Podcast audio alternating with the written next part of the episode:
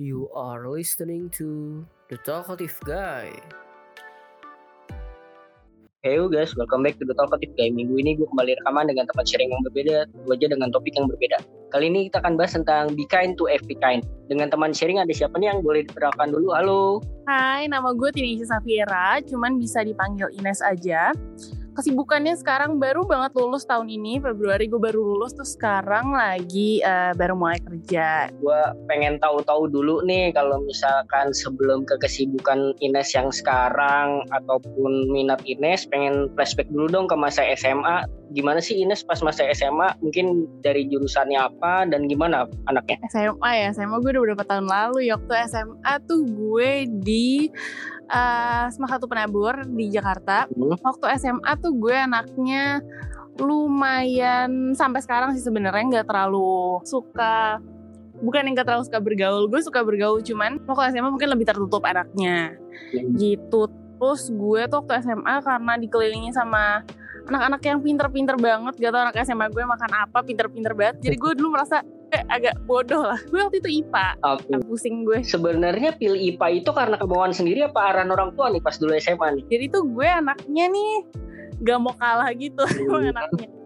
Apa kayak IPA kan kata orang lebih keren aja dari IPS. Jadi ya udah gue pilih IPA emang anaknya motivasinya kurang bener aja sih emang. Tapi selama SMA masuk IPA gitu dari segi nilai termasuk kompetitif juga apa malah nyantai nih? Awal-awalnya tuh gue karena di SMA, waktu SMP full besar terus waktu itu SMA gila anaknya pinter-pinter banget tuh gue.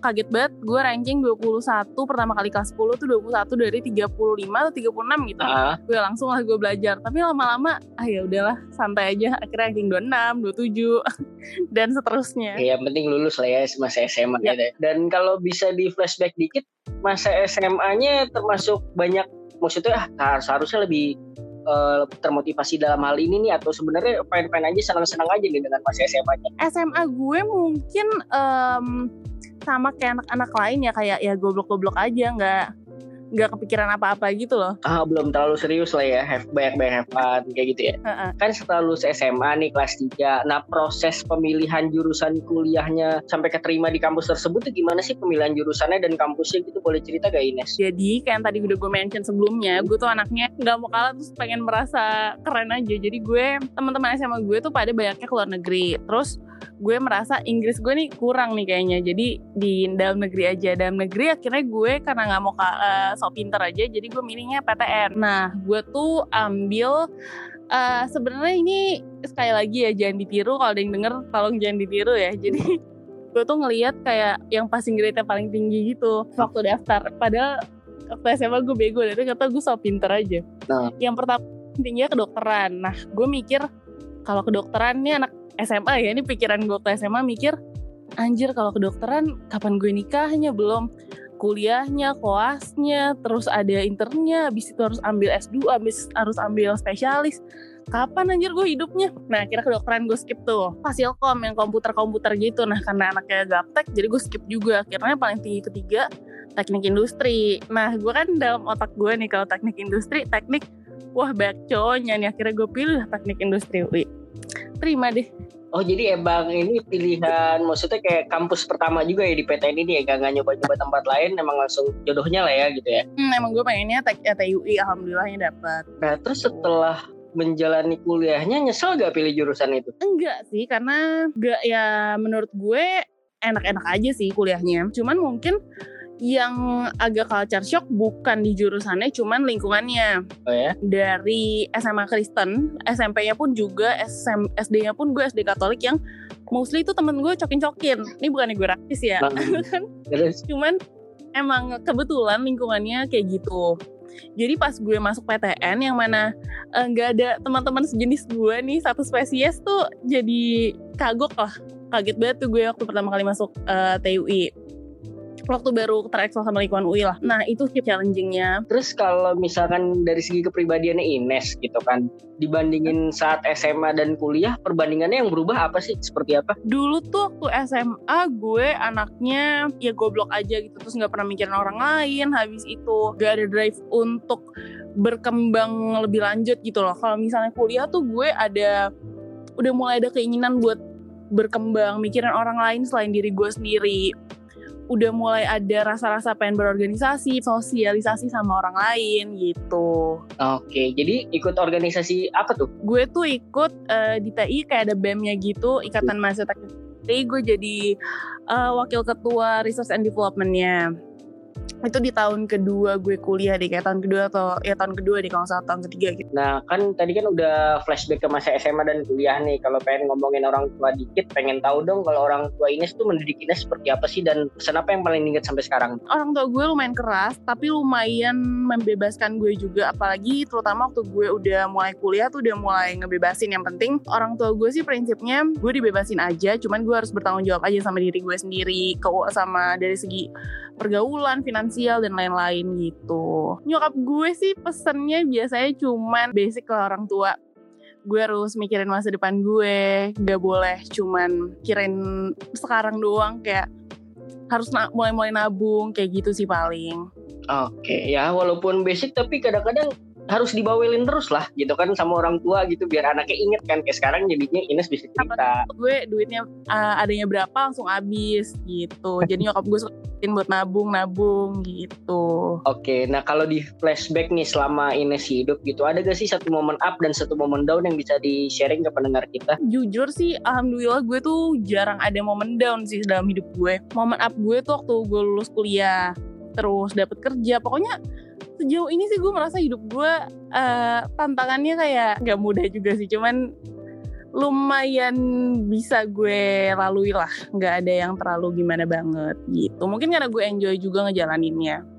Oke, tapi hal-hal seperti apa sih? Maksudnya kan kalau misalkan down mungkin jarang gitu, tapi hal-hal seperti apa sih yang seketika bisa buat uh, Ines insecure atau down gitu? Gue tuh anaknya uh, ngerasa down kalau misalnya kalau lagi banyak masalah dalam satu waktu yang bersamaan. Contohnya waktu gue hmm, oh waktu gue mau lulus skripsian. Kan gue tiga setengah tahun kuliahnya gue cepetin satu semester. Jadinya gue harus ngejalanin kuliah kayak orang normal tapi ditambah gue deskripsian pokoknya abis itu juga cukup banyak lah masalah-masalahnya pada saat itu. Masalah pribadi keluarga uh, masalah kuliah juga. Jadinya gue lumayan down tuh selama enam bulan satu uh, dalam momen enam bulan itu kayak banyak nangis, banyak sendirian. Oke, okay. nah biasanya kalau misalkan lagi mengalami down atau insecure kayak gitu, buat bangkitnya gimana tuh kalau dari Ines caranya Ines sendiri? Gue bangkitnya karena gue udah tahu diri gue sendiri, gue hmm. kasih gue sendiri waktu buat ya udah gue nangis gak apa seminggu dua minggu nangis terserah deh yang penting gue harus bangun lagi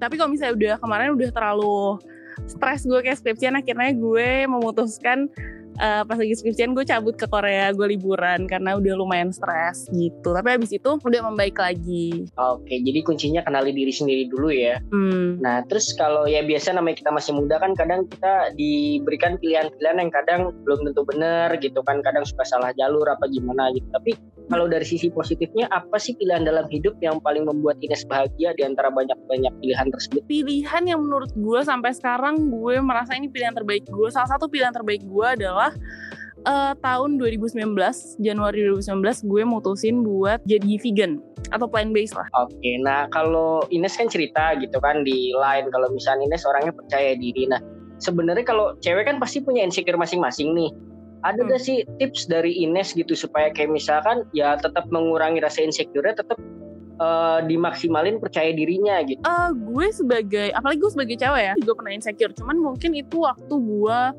kuliah atau SMA kali di mana masa-masa itu uh, suka ngebandingin diri sama orang lain apalagi bandinginnya tuh sama standar-standar yang gak masuk akal gitu loh kayak artis Korea, model-model Victoria Secret yang gak masuk akal gitu standarnya. Nah menurut gue uh, yang pertama tahu kelebihan lo dulu karena yang tahu kelebihan kurang lo tuh pasti diri lo sendiri gitu loh. Mm-hmm. Terus menurut gue ini juga sesuatu yang penting kelilingin diri lo sama orang-orang yang suportif dan gak toxic. Tapi gue juga ini sih sadar dulu teman-teman gue yang sekarang pun kayak sering banget ngomong, aduh cakep banget ya dia nggak kayak gue, gue jelek banget. Terus kita semua yang uh, yang lainnya juga pada jawab, iya apalah kita dibandingkan dia. Tapi gue ngerasa makin dewasa teman-teman gue dan gue makin berkembang jadi kayak empowering satu sama lain gitu loh dan gue ngerasa dengan gue di empower dengan lingkungan yang positif dan gue mengempower lingkungan gue membuat diri gue jadi gue yang ya lebih percaya diri gitu. Oke, nah tadi kan ngomongin support system. Nah, ketika ada seorang yang pengen coba bergaul gitu di lingkungan yang baru, biasanya kita suka ya udah namanya adaptasi, udah kita ikut ikut ikut aja lah sama lingkungannya. Padahal kita nggak nyaman ngelakuin hal tersebut. Itu menurut Ines gimana ya? Menurut gue gak apa-apa karena uh, lu masuk lingkungan baru, ketemu orang baru, nyobain hal baru, mungkin awalnya lo kayak nggak nyaman atau apa tapi ya dicoba dulu aja siapa tahu ternyata lo nyaman. Kalaupun gak nyaman at least lo tahu kalau misalnya itu sesuatu yang lo nggak suka. Jadi nextnya lo uh, bisa menghindari hal itu. Tapi kan kalau sebelum lo lakuin kadang-kadang lo nggak tahu lo suka atau enggak jadi menurut gue nggak apa-apa sih asal tahu batasannya aja.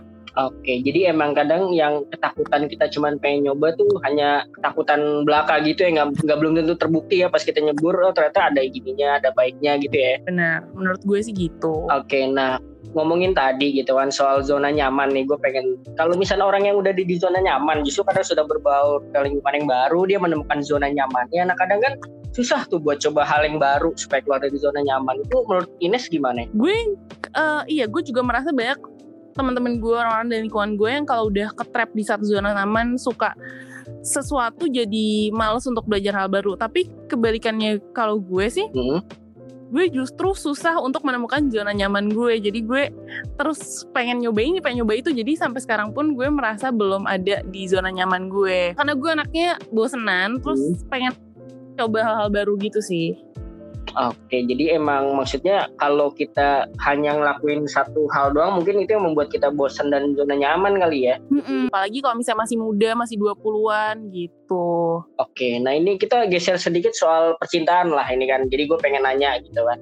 Dengan boleh, boleh. jadi orang yang passionate, yang percaya diri kalau menurut cerita Ines di line gitu kan. Jadi kayak ngerasa bikin standar tinggi gak sih soal pasangan gitu harus segini-segini kalau enggak not my kriteria bagaimana gitu. Jujur gue nggak punya kriteria tertentu sih kalau misalnya buat pasangan karena hmm. memang kebetulan uh, sampai sekarang gue belum merasa butuh pasangan gitu. Jadi gue uh, nggak melihat diri gue punya pasangan dalam mungkin tiga atau empat tahun ke depan kali. Mas gue pasangan yang serius ya. Nah. gue nggak merasa akan punya pasangan yang serius dalam tiga atau empat tahun ke depan. Cuman ya kayak who knows mungkin ketemu orang baru atau gimana ternyata nyambung ya mungkin bisa kali ya Cuman sampai saat ini sih gue nggak ada standar tertentu sih kayak harus kerja di perusahaan apa, harus fisiknya gimana tuh gue nggak ada sih. Oh oke okay, oke. Okay. Jadi kan karena gue nanya ini karena ada beberapa orang yang mungkin dengan karena saking dia passionate bisa ngelakuin banyak hal sendiri jadi kayak ya udah gue bisa sendiri kok semuanya gitu nggak ngerasa butuh pasangan dan sekalinya butuh pasangan ya itu standarnya harus tinggi harus lebih dari gue bayang sih. Tapi kalau misalnya gue ngeliat orang lain kadang uh -huh. ya gue ngeliat kalau orang yang kayak passionate percaya diri orang justru yang mau ngedeketin jadi jiper gitu loh. Siapa tau kalau misalnya di antara yang denger mau deketin siapa gitu cuman dianya percaya diri banget sumpah deketin aja anjir. Iya. santai aja. Padahal kalau misalkan dari sisi pengalaman ini, maksudnya Ines biasa-biasa aja, fine-fine aja sama siapa aja gitu ya iya gue merasa kayak ya udah santai aja yang penting cara ngedeketinnya nggak norak gitu loh Iya iya benar-benar. Nah kalau itu ya wajib lah ya mau deketin cewek yang kayak gimana pun jangan norak lah ya. Iya benar. Nah kalau untuk ngomongin vegan gitu kan yang tadi udah Ines singgung gitu. Awal jadi vegan tuh kan tadi dari 2019. Nah ini karena apa sih? Jadi sebenarnya emang gue dari kecil tuh suka banget hewan. Cuman mungkin kalau misalnya kecil lebih ke expose sama hewan-hewan peliharaan kali ya. Anjing, kucing, kelinci. Sebenarnya sama semua hewan sih gue suka karena gue juga dulu pelihara kadal, pelihara landak. Terus um, di 2019 ini gue baru sadar kalau misalnya gue baru sadar gitu loh kenapa ya selama ini gue makan hewan? Gue kayak tiba-tiba di suatu malam di Januari 2019 gue kayak terpikir gitu kalau misalnya gue suka hewan kenapa gue makan ya? Terus gue mulai mikir-mikir satu-satunya alasan gue merasa gue makan hewan adalah karena uh, society nganggap itu hal yang normal gitu loh. Karena orang tua gue makan karena teman-teman gue makan karena luhur-luhur gue yang makan hewan. Jadi gue nggak pernah mempertanyakan kenapa gue makan hewan gitu loh. Jadi uh, di malam itu gue mempertanyakan kenapa gue makan hewan. Ya kira gue research banyak tentang kenapa sih orang harus makan hewan. Apa sih yang harus dilalui sama misalnya let's say ayam atau yang paling common kan sapi sama ayam. Yeah. sampai nyampe piring kita tuh apa sih yang harus dia laluin? Dia harus besar di peternakan di kandang yang sempit kalau sapi harus dibikin hamil terus supaya bisa ngasilin susu.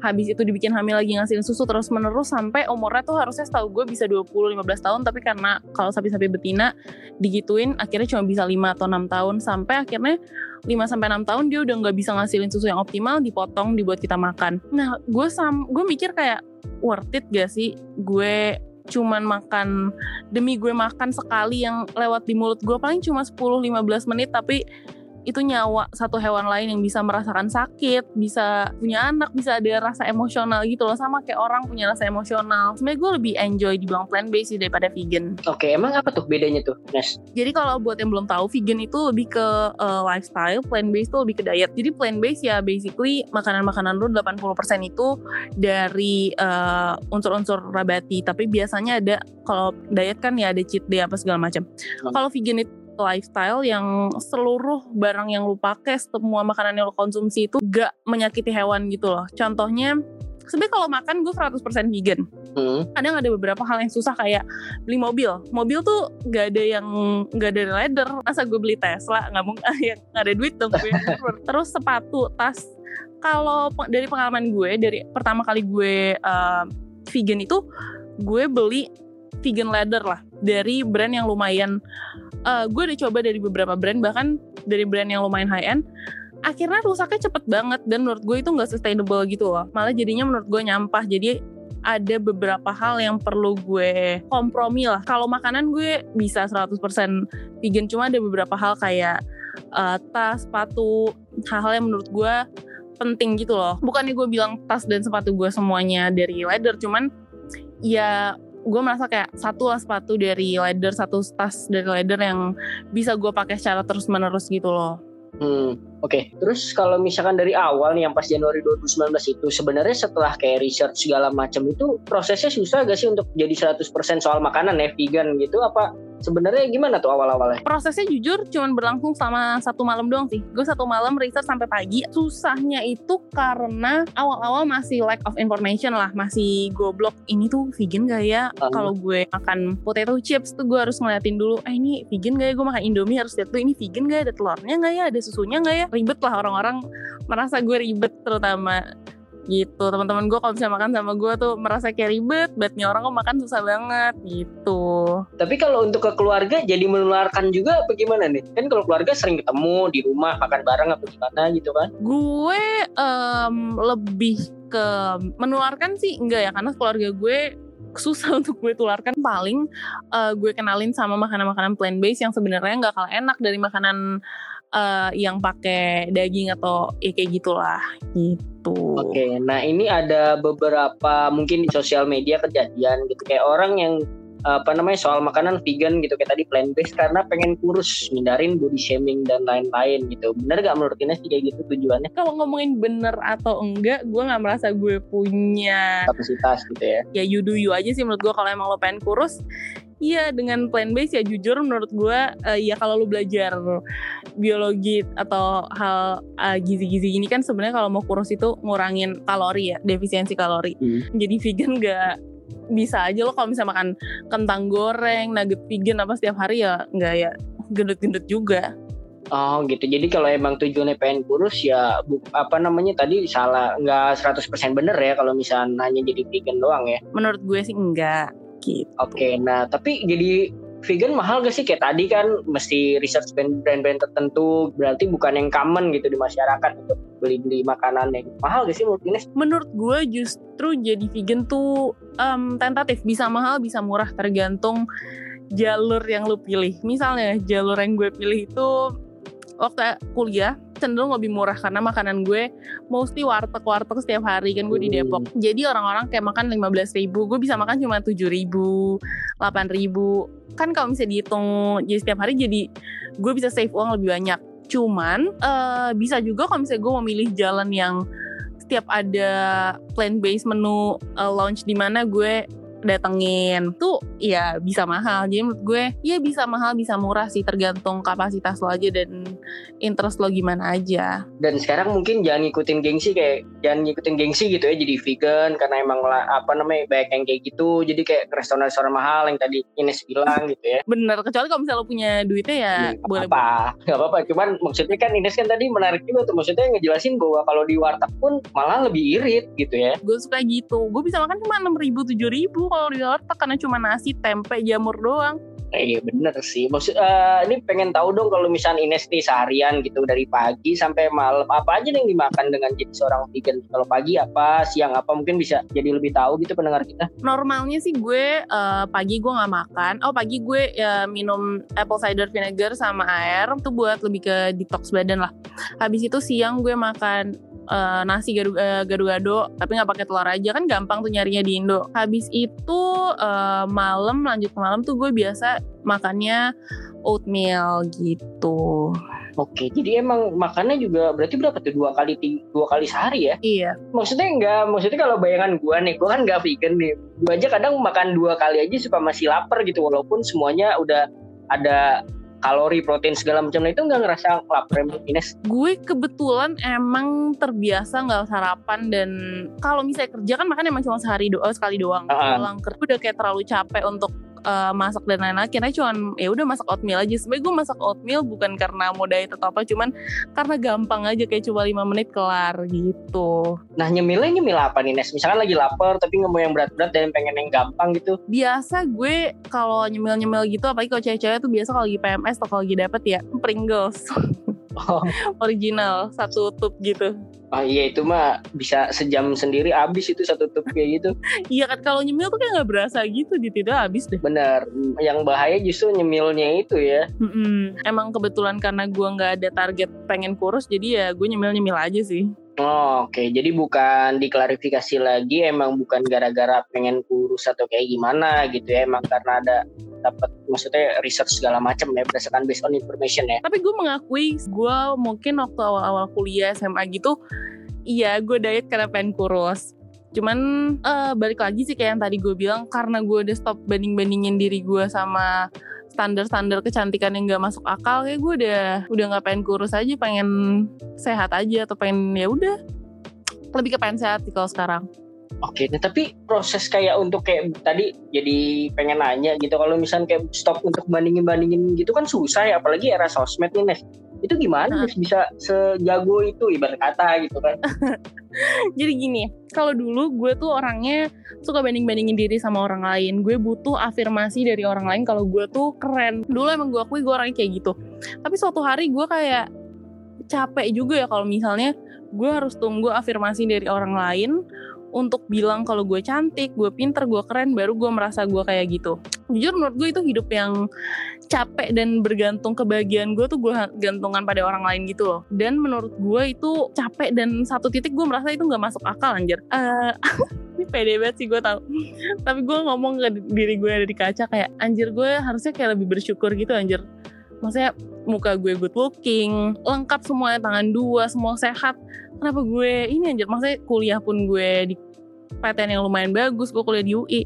Kenapa gue harus masih butuh approval dari orang lain anjir? Gue se gue sekeren ini anjir. Kenapa gue butuh approval dari orang lain? Nah, gue ngomong gitu ke kaca sih. Gue tahu aneh banget. Hmm, Tapi Bagus Eh. itu sih kalau menurut gue.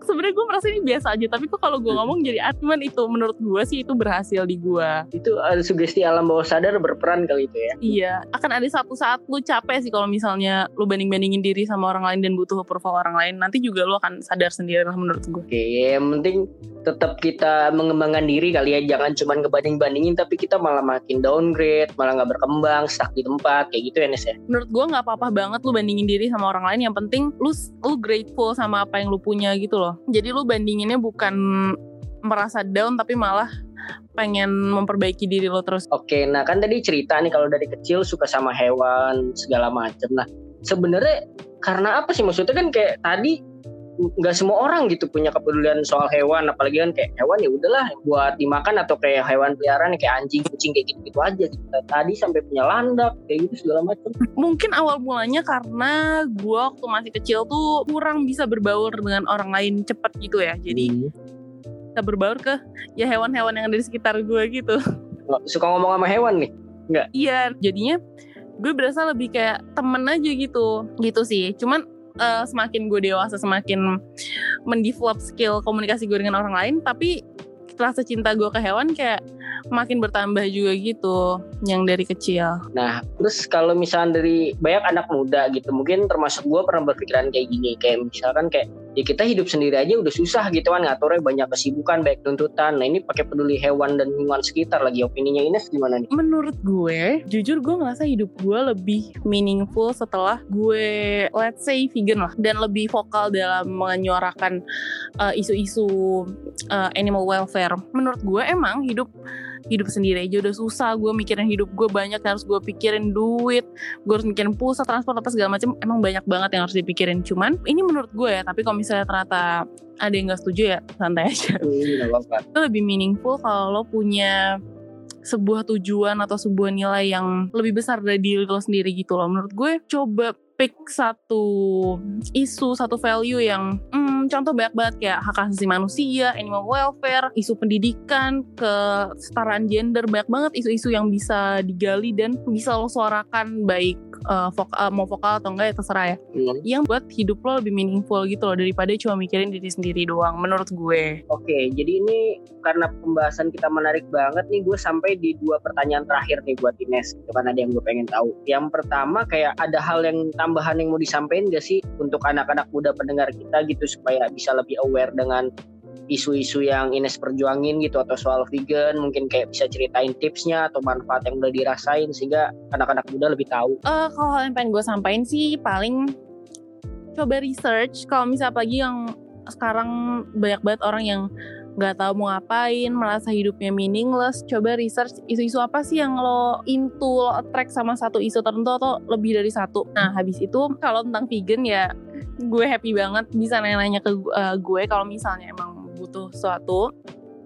Cuman uh, kalau misalnya mau tahu tentang vegan jujur gue ngerasa hidup gue sejak 2 tahun ini gue vegan gue ngerasa happy banget. Ada satu ada sesuatu yang gue perjuangkan gitu loh. Bukan cuman gue dan diri gue sendiri doang tapi rasanya tuh it feels good memperjuangkan sesuatu untuk memperbaiki banyak banget hal-hal yang salah di dunia ini gitu loh. Udah sih kalau dari gue. Oke, okay, nah ini gue jadi pengen nanya nih sebelum pertanyaan terakhir. Kalau yang dirasain ke tubuh Ines gitu setelah jadi vegan itu tuh apa sih maksudnya kayak bisa memperbaiki jadi tidurnya lebih enak atau kayak stres lebih dikit stresnya atau kayak gimana gitu dengan mengonsumsi makanan-makanan seperti itu? Kalau gue secara mental gue ngerasa gue lebih happy, uh, gue lebih happy, gue lebih grateful, gue lebih kalau gue ngelakuin sesuatu tuh gue uh, mikirin dampaknya juga kalau secara fisik itu gue merasa gue lebih uh, endurance-nya tuh lebih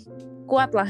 Kalau mau olahraga gue biasanya mungkin kalau misalnya jogging cuman kuat 30-40 menit sekarang bisa satu jam. Jarang pegel-pegel gitu. Oke ya itu uh, pengaruh sehat ya pasti lah ya. Karena kan kalau dibandingin sama kayak orang makan kambing sapi gitu-gitu ya kolesterol gitu-gitu kan bahaya juga kan. Bener-bener. Terus gue juga makannya mostly itu bukan daging bohongan tapi kayak whole food gitu loh. Kayak buncis, jagung yang sayur-sayuran yang uh, nutrisinya banyak gitu. Oke, nah dalam dua atau tiga tahun ke depan hal apa lagi nih yang pengen Ines lakuin nih dari segi karir pengembangan diri boleh cerita apa? Dua sampai tiga tahun ke depan ya gue ngerasa pasti uh, harusnya masih vegan ya. Mm-hmm. Seterusnya sampai nanti akhir hayat gue merasa sih harusnya gue akan tetap plant based. Uh, gue ngerasa mungkin gue pengen bikin usaha sendiri karena pengen nambah masukan aja. Terus gue 2 sampai 3 tahun ke depan gue tuh sekarang udah mulai mikir pengen sama kayak anak-anak muda pada umumnya yang passionate banget gue kalau buat diri gue sendiri tuh gue udah mulai nabung-nabung buat rumah, kendaraan dan lain-lain. Tapi kalau misalnya buat eh, hal-hal di luar diri gue sendiri tuh gue pengen suatu hari nanti pengen bikin shelter buat hewan gitu. 2 sampai tiga tahun ke depan gue ngerasa gue udah uh, lebih banyak lah info apa aja sih yang harus gue persiapkan uangnya harus putus berapa banyak sih supaya gue bisa mulai nabung dari sekarang gitu amin amin nah tadi isu hmm. soal kayak mau bikin restoran gitu nanti apa apa bisnis gitu itu restoran vegan apa apa tuh pengen deh gue mungkin pengen bikin either catering vegan atau oh. gue pengen thrift shop sih karena gue juga lumayan into sama isu-isu lingkungan gue pengen uh, thrift supaya lebih sustainable aja sih kalau misalnya beli baju baru-baru terus menurut gue ada data saintifiknya tuh kurang sustainable gitu industri fast fashion. Uh, ini gue kepikiran satu lagi di pertanyaan tentang vegan. Kalau kayak kan dulunya berarti lo kan makan apa aja kan gitu kan sebelum jadi vegan kan. Terus ada makanan atau minuman yang guilty pleasure banget gak sih sampai kayak aduh sayang aja gue vegan nih padahal ya termasuk favorit tapi gimana gitu iseng aja gunanya. Uh, pasti ada sih. Itu terutama yang gak kelihatan. Kalau misalnya steak, ayam goreng KFC itu kan kelihatan banget ya daging sama ayamnya juga terlalu nafsu makan sih. Tapi kalau gue ngeliat kayak dessert, martabak itu kan gak kelihatan ya telurnya gak kelihatan. Bener. Jadi gue kayak kadang-kadang, duh vegan lagi nih plant based ya Allah. ya karena cemilannya nggak bakal ada yang rasanya mirip seenak itu kan ya walaupun vegan kan. Gue belum pernah nyobain kayak martabak vegan gitu. Ada ada berapa yang ini sih cuman ya gue sih common sense aja. Harusnya nggak seenak martabak biasa gak sih? Iya bener juga. Kan itu lelehan-lelehan minyaknya keju coklat. Aduh. iya sih. Oke eh, eh biar pada tahu nih pendengar kita nih kalau mau nanya-nanya atau kayak mau follow Ines tuh Instagramnya apa sih atau ada website buat vegan journey-nya atau apa gitu? Boleh, gue Instagramnya di Tinesia Safiera. Agak susah nih namanya ya, double N pakai X sama Safiera tuh pakai X sama pakai V. Terus kalau misalnya buat gue lebih banyak sharing tentang vegan, animal welfare dan lain-lain tuh di Ines Vegan Journey gitu. Oke, itu di Instagram juga ya adanya ya. Lebih banyak ngomongin makanan-makanan gitu sih karena kebetulan gue sukanya makan. Oke. Gitu. Ya, ini menarik banget topiknya dan baru pertama kali kita ngangkat di podcast gua. Jadi thank you banget nih Ines buat sharing-sharingin ya. Iya, thank you juga. Thank you guys yang udah dengerin episode kali ini. Sampai ketemu minggu depan. Bye-bye. Bye. Don't forget to follow us on YouTube, Spotify, and Instagram at the Talkative Guy underscore ID.